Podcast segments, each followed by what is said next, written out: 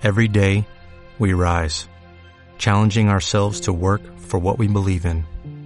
At U.S. Border Patrol, protecting our borders is more than a job, it's a calling. Agents answer the call, working together to keep our country and communities safe. If you're ready for a new mission, join U.S. Border Patrol and go beyond.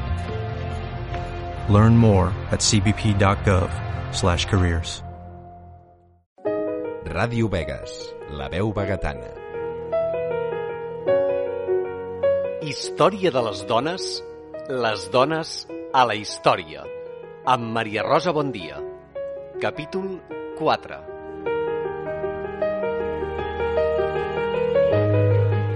Bona tarda, us saludem des de Ràdio Vegas en aquest quart i últim programa especial de Ràdio Vegas, Les dones a la història, història de les dones, amb la Maria Rosa. Bon dia. Hola, Maria Rosa. Hola, Ernest. Bona tarda.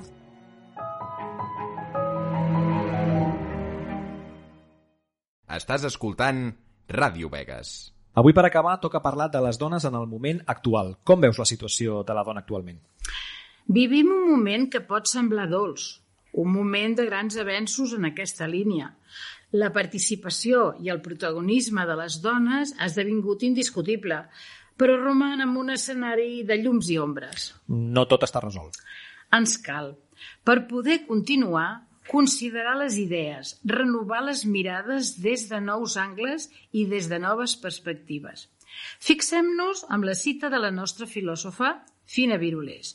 Esborrar la desigualtat no ha de fer-se al preu de silenciar la diferència. És clau, al meu parer, per alimentar les polítiques institucionals. Aquestes polítiques han de continuar insistint, afinant i entenent que la revolució silenciosa de les dones en tants àmbits ha de ser ben visible també en el terreny cultural. No es tracta només de resoldre la desigualtat. També, evidentment, però posar de manifest la diferència, si no tenim la capacitat de copsar i metabolitzar aquest important matís, els canvis que es produeixen poden romandre en un espai superficial, formal, estètic, epidèrmic. Podem estar orgulloses que en aquesta mm, legislatura, en el Parlament de Catalunya, hi ha 65 dones de 135 diputats, quan a l'any 1980 solament n'hi havien 7. Actualment, la presidenta i les dues vicepresidentes del Parlament són dones. I com està l'evolució de la bretxa salarial de gènere a Catalunya?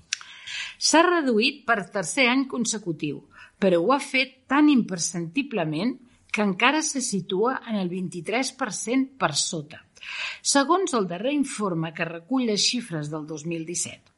Més enllà del fet que les dones tenen sous més baixos, les diferències laborals entre homes i dones es tradueixen en altres indicadors. Les dones també tenen contractes amb més parcialitat i més temporalitat. I com més llarga és la vida laboral, més profunda és la distància entre sexes. Veig que és una distància que no es redueix. En l'àmbit del treball, les dones pateixen tot un seguit de discriminacions que no es poden tolerar tant directes com indirectes. La més clamorosa és la que exclou les dones del mercat de treball.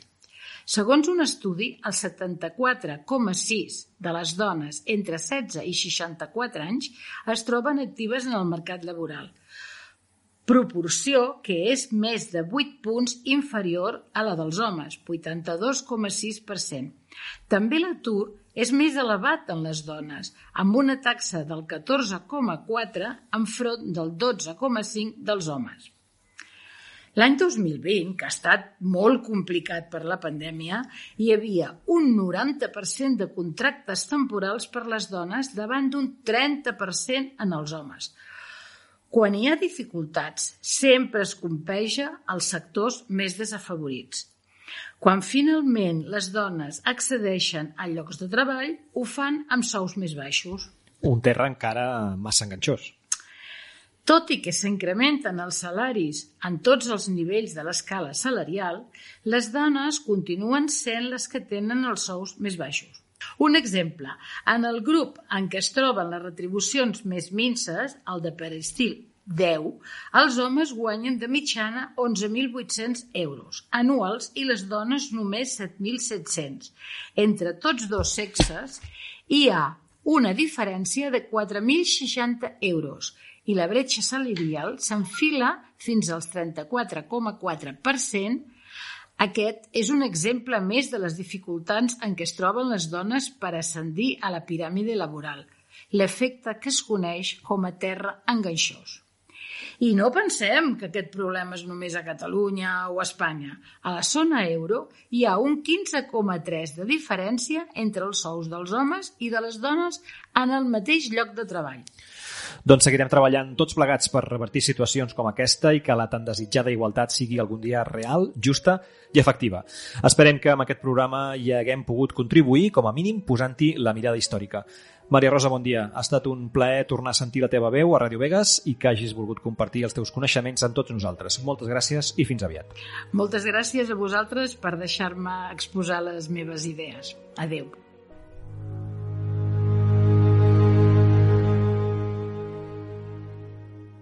Ràdio Vegas, la veu vegetana.